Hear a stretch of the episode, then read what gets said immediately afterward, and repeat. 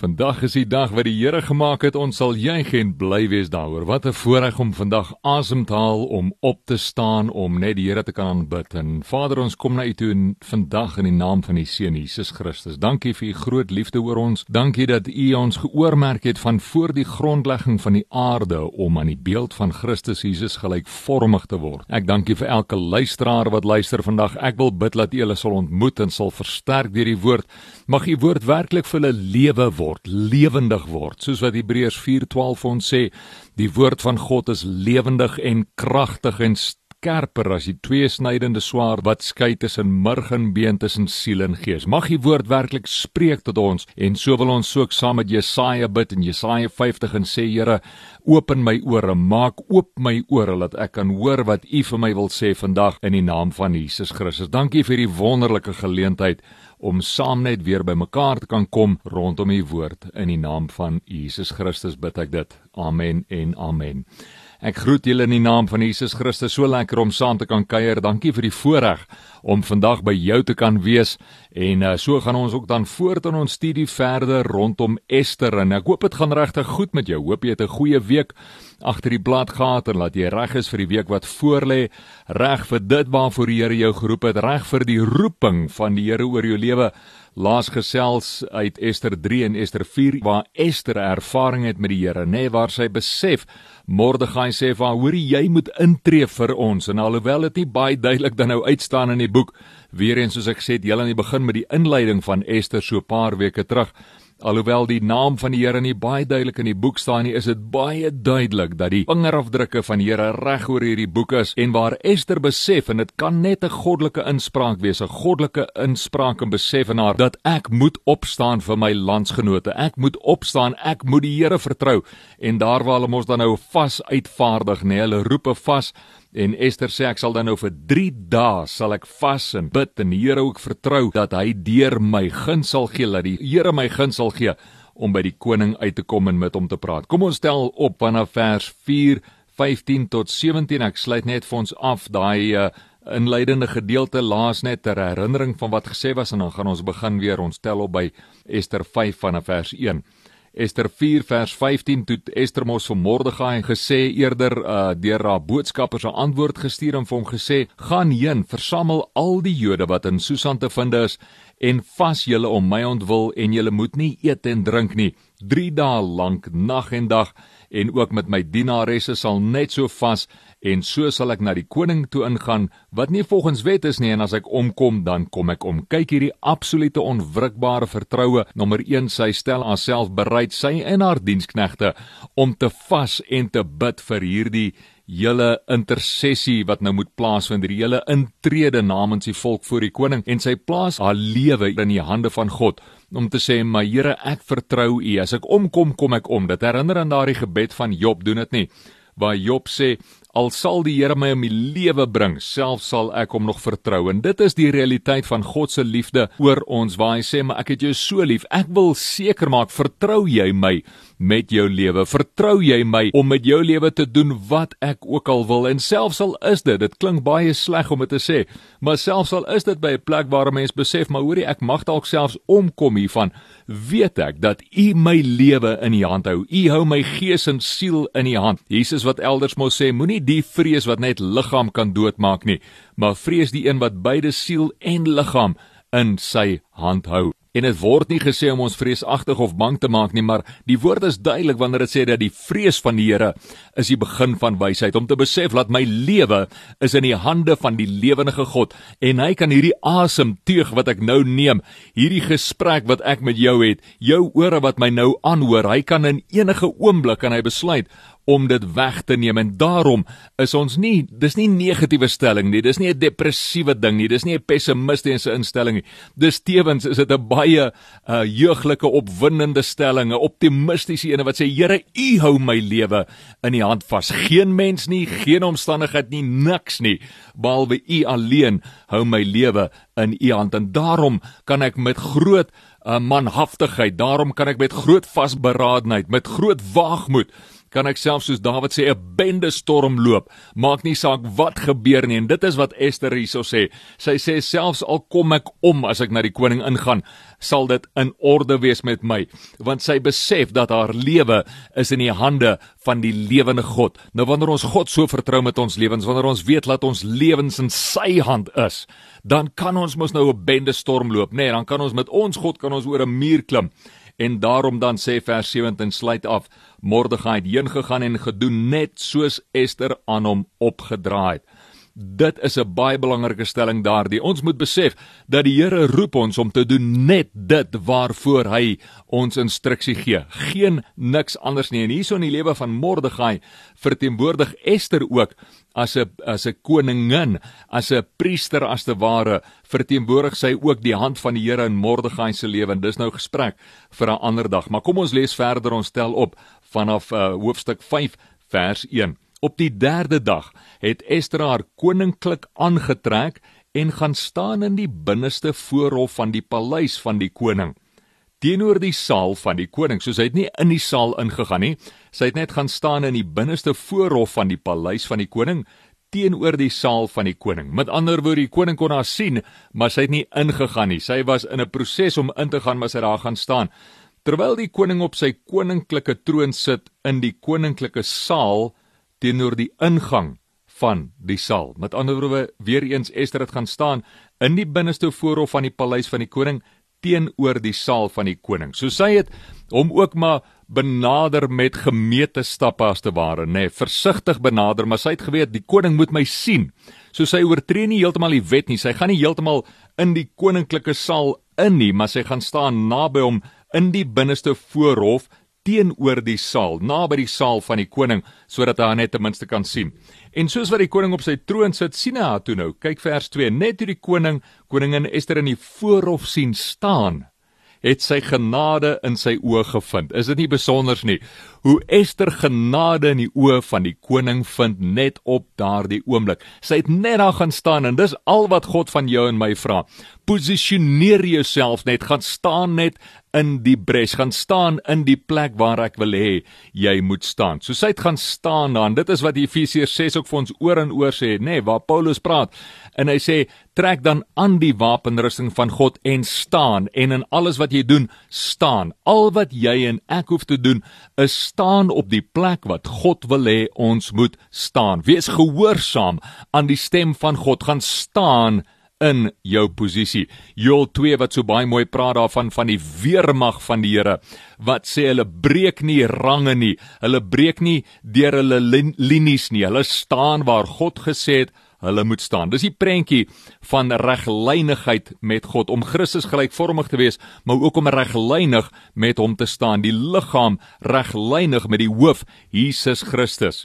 Jesus sê elders in die Bybel wat wanneer die mense vir hom sê maar ons sal U volg, dan sê hy vir die persone wanneer hy praat, ek dink Markus Lukas erns praat en hy sê dat jakkalse het 'n plek om hulle self neer te lê, gate om in te lê, voels se tak om op te sit, maar die seun van die mens, die seun van God het nie 'n plek om sy hoof neer te lê nie. En dis nou ook 'n gesprek weer vir 'n ander dag, maar dit praat oor die reglynigheid van die liggaam van Christus, ons wat die liggaam van Christus op aarde is, wat reglynig moet wees. Die Engelse woord aligned moet wees, alignment, reglynig met die hoof Christus Jesus moet wees sodat ons kan presies loop volgens wat ons hoor die hoof dink, volgens wat die hoof sien en volgens wat die hoof wil hê ons moet doen.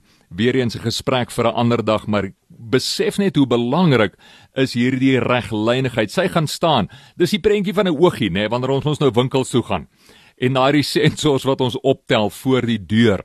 Wanneer jy optel voor die deur, dan maak hy oop. Hoekom? Want ons staan reg voor die sensor al een of twee keer met my gebeur dalk ook met jou dat 'n mens stap na 'n deur toe maar jy's nie heeltemal reglynig met die sensor nie dan tel hy nie op nie en dan wil die deur nie oopgaan nie nê nee, kan nogal 'n frustrasie wees. Maar dis die prentjie hier van Esther. Sy gaan staan op die plek waar sy moet gaan staan. En net so moet ek en jy as gelowiges moet ons gaan staan in die posisie van geloof, maar ook die posisie van gehoorsaamheid en die posisie van diensbaarheid aan die Here en ook aan die orde van God die wat hy bo ons aanstel, moet ons gaan staan in daardie plek. Maak nie saak hoe ons voel daaroor nie. Dit gaan oor die beginsel van staan in jou plek waar die Here jou voorroep en dan sal die deure vir jou oopgaan en dis presies wat hier gebeur.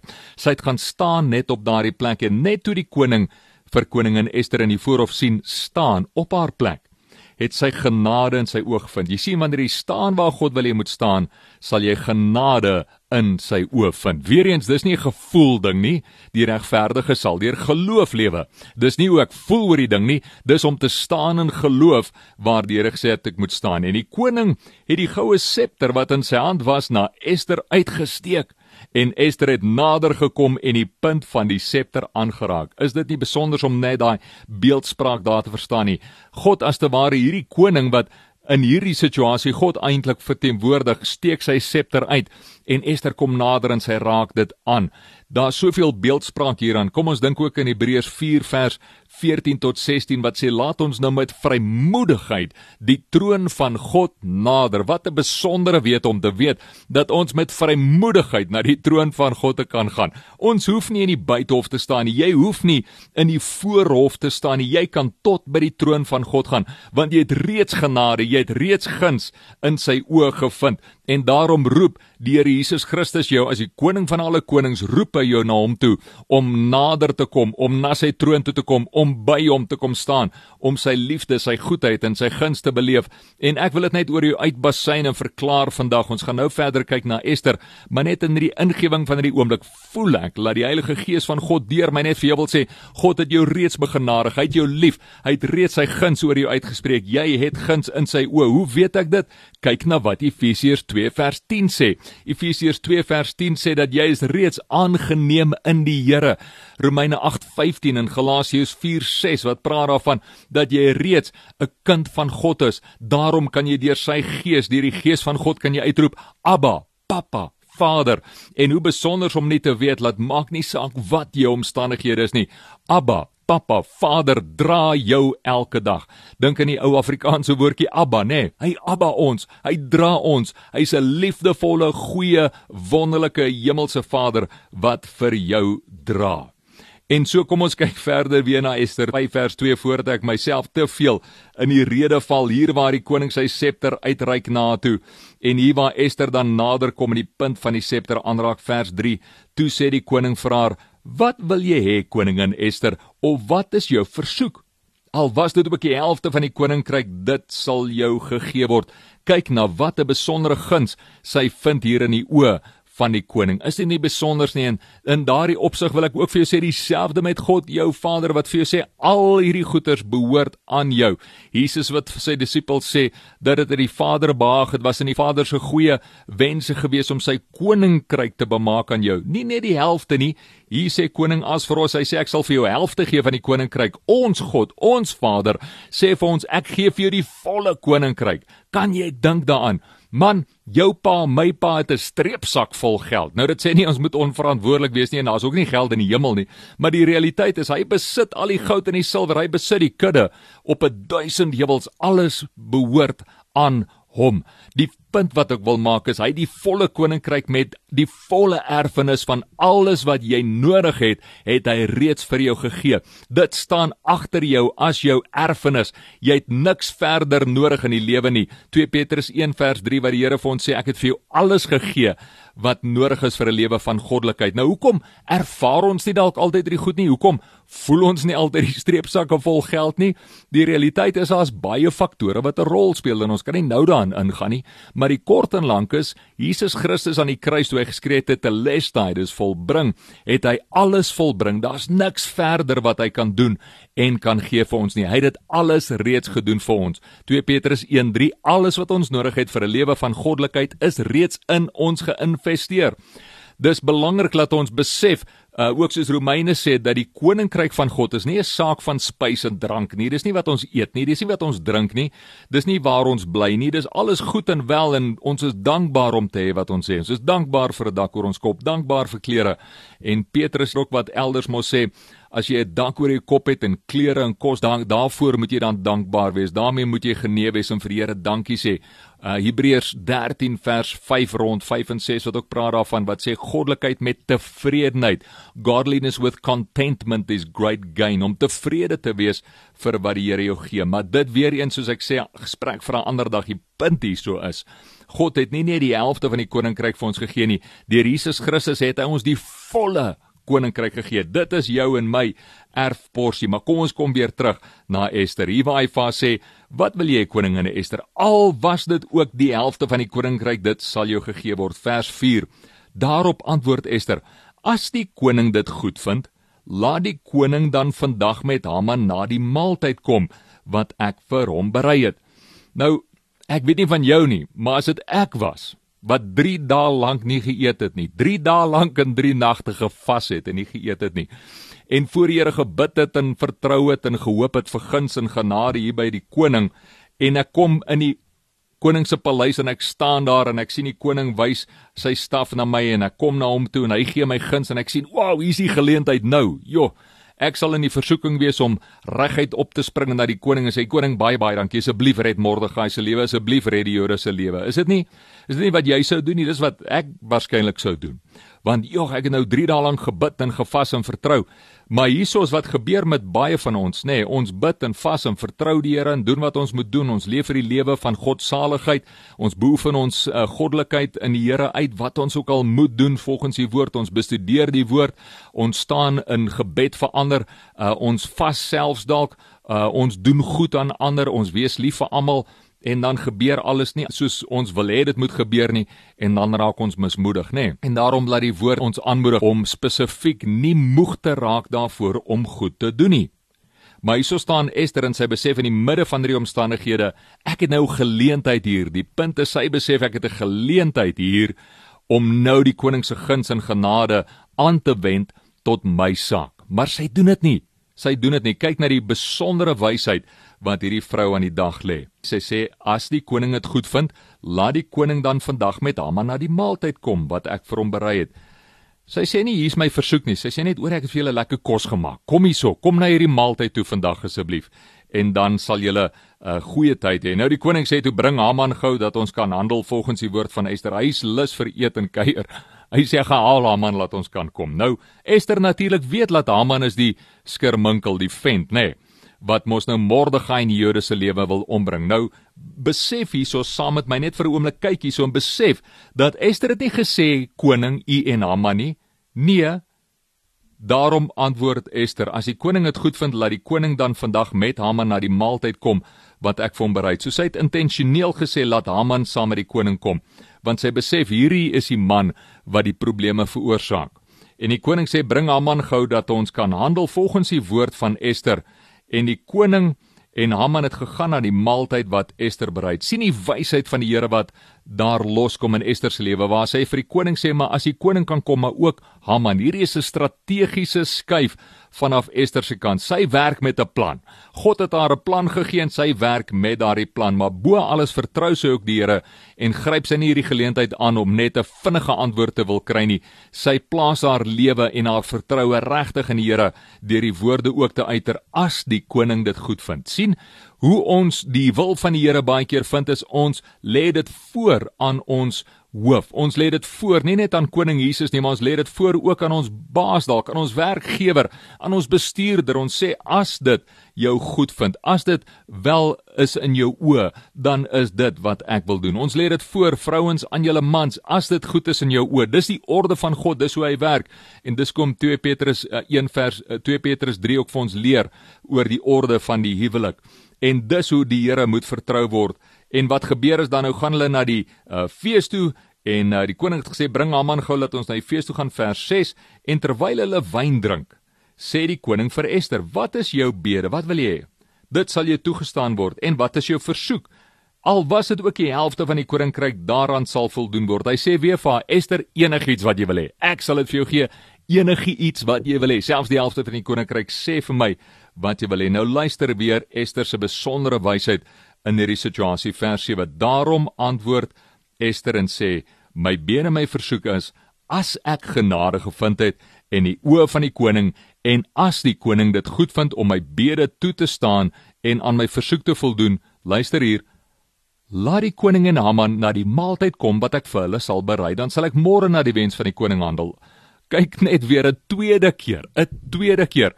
'n tweede keer hierso wat Ester nie haar versoek na die koning toe bring en sê maar hoorie spaar die Jode en spaar Mordegai nie. 'n Tweede keer wat sy vir hom sê asseblief kom ons doen dit net weer môre. Kom ons hou môre 'n lieflike maaltyd. Sy's besig om op 'n strategiese wyse hierso seker te maak van die wil van God, seker te maak van die guns en die vertroue van die Here in haar lewe, in haar situasie. Sy wil seker maak dat wanneer sy finaal en éventueel hierdie versoek aan die koning posisioneer, laat die guns en die wil en die plan en die seën van die Here daarop is.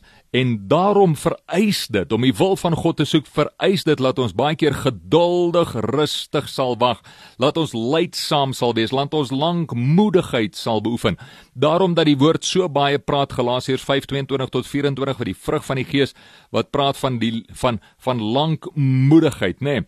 1 Korintiërs 13 oor liefde wat praat oor die liefde is geduldig. Daarom laat God wil hê ons moet leer om te wag. Jesaja 40:31 Die wat wag op die Here sal hulle krag vernuwe. Daarom laat God vir ons sê maar wag op my, vertrou op my. En bo alles wil hy hê ons moet besef dat ons hom werklik kan vertrou. Jy sit dalk in 'n situasie in jou lewe wat jy lankal voorwag. Miskien is dit 5 jaar, 10 jaar, 20 jaar, 30 jaar. Ek kan glo dat dit 'n frustrasie mag wees by tye, maar ek wil jou aanmoedig vandag bly wag, bly vertrou. God is getrou. Hy sal nie jou goeie werk vergeet nie. Hy sal jou beloon vir al jou goeie werke en op die einde van die dag met die wete dat hy is God almagtig. Hy sien jou saak en hy het jou saak al bepleit. Jesus Christus voor sy Vader. Romeine 8 wat sê hy sit aan die regterhand van God die Vader om in te tree vir ons. So nou sê sy vir hom, ek gaan nou weer hierdie saak toe vertrou. Sy sê vir die koning, ek gaan dit weer toe vertrou in die hand. As hy die koning geval, as ek genade gevind het in jou oë, as die koning dit goed vind om my bede toe te staan, laat die koning en Haman aan die maaltyd kom wat ek vir hulle sal berei, dan sal ek môre na die wens van die koning handel. sien, dit is een van die grootste spesifieke toonbeelde of voorbeelde van wat dit beteken om werklik die Here te vertrou, om dit in die hande van God en mens te laat en om die Here te vertrou om jou saak vir jou uit te werk. Moenie die uitkoms probeer manipuleer nie. Wanneer ons die uitkoms probeer manipuleer, dan kry ons net baie seer, dis nie lekker nie en daar's baie teleurstelling langs die pad. Plaas dit in die hande van God en vertrou hom om jou toekoms te beveilig om dit uit te werk vir jou. Romeine 8:28, hy werk alles ten goeie mee. Vers 9 en op die dag het Haman bly en opgeruimd heen gegaan. Maar toe Haman Mordegai in die poort van die koning gesien het, dis nou na hulle geëet het, nê? Nee, nou gaan hulle uit. Haman is baie tevrede, bly en opgeruimd. Uh, en hy het nou lekker geëet, lekker wyn gedrink en toe Haman vir Mordegai in die poort van die koning sien en dat hy nie opstaan of vir hom bevrees is nie, was Haman met woede vervul teen Mordegai. sien, hier gaan ons alweer. Hier gaan ons alweer. Hy verloor dit weer omdat Mordegai nie buig voor Haman nie. Hy verloor dit weer totaal en al. En hierso is die sleutel. Hy het verwag dat Mordegai bevrees moet wees vir hom. Geen vrees nie. God het ons nie 'n gees gegee van vreesagtigheid nie. Hy wil hê dat ons moet staan in die krag van sy Heilige Gees, in die krag van sy lewe. Daar's geen noodsaaklikheid dat ons in vrees hoef te wandel vir enige mens nie. Galasiërs 1:10 Paulus skryf, hy sê as ek dan nou mense vrees, dan sal ek nie meer 'n dienaar van God wees nie. Nou dit beteken nie ons is onverantwoordelik nie en dat ons nie respekvol wandel teenoor ons ouderlinge, die wat ouer is as ons, uh, of teenoor die gesag bo ons aangestel nie. Absoluut, maar geen vrees nie, want in liefde, 1 Johannes 4 is daar geen vrees nie. Perfekte liefde dryf alle vrees uit. So moenie vrees nie en moenie soos Haman vrees wil inboesem in mense nie, want dit is nie van God af nie. God is 'n God van liefde. God is liefde. So Mordegai wandel in eerbaarheid en integriteit hier en hy doen die regte ding deur nie in vrees voor Haman te buig nie. Vers 10. Maar Haman het hom bedwing, hy het homself nou ingehou. En toe hy by sy huis kom, laat hy sy vriende en sy vrou Ceres haal. Vers 11 en Haman vertel hulle van die heerlikheid van sy rykdom en van die veelheid van sy seun en seuns en van alles waaraan die koning hom grootgemaak het en hoe hy hom verhef het bo die vorste en die dienaars van die koning. Luister net hoe klein mannetjie is hierdie Haman eintlik, nê? Nee. Soos baie mense tong in die kies praat van 'n klein mannetjie sindroom. Hierdie man het 'n probleem met sy statuur in sy geestelike en emosionele aansien ook voor mense. Hy vertel nou van almal van sy heerlikheid, van sy rykdom en van die veelheid van sy seuns en alles waaraan hy kon hom groot gemaak het. Hy is besig nou om arrogant hierso uh in trots te vertel, maar kyk hoe wonderlik is ek en kyk watter wonderlike dinge die koning vir my gedoen. Vers 12 verder sê Haman, selfs het koningin Ester niemand saam met die koning na die maaltyd laat kom wat sy aangerig het nie, as net vir my.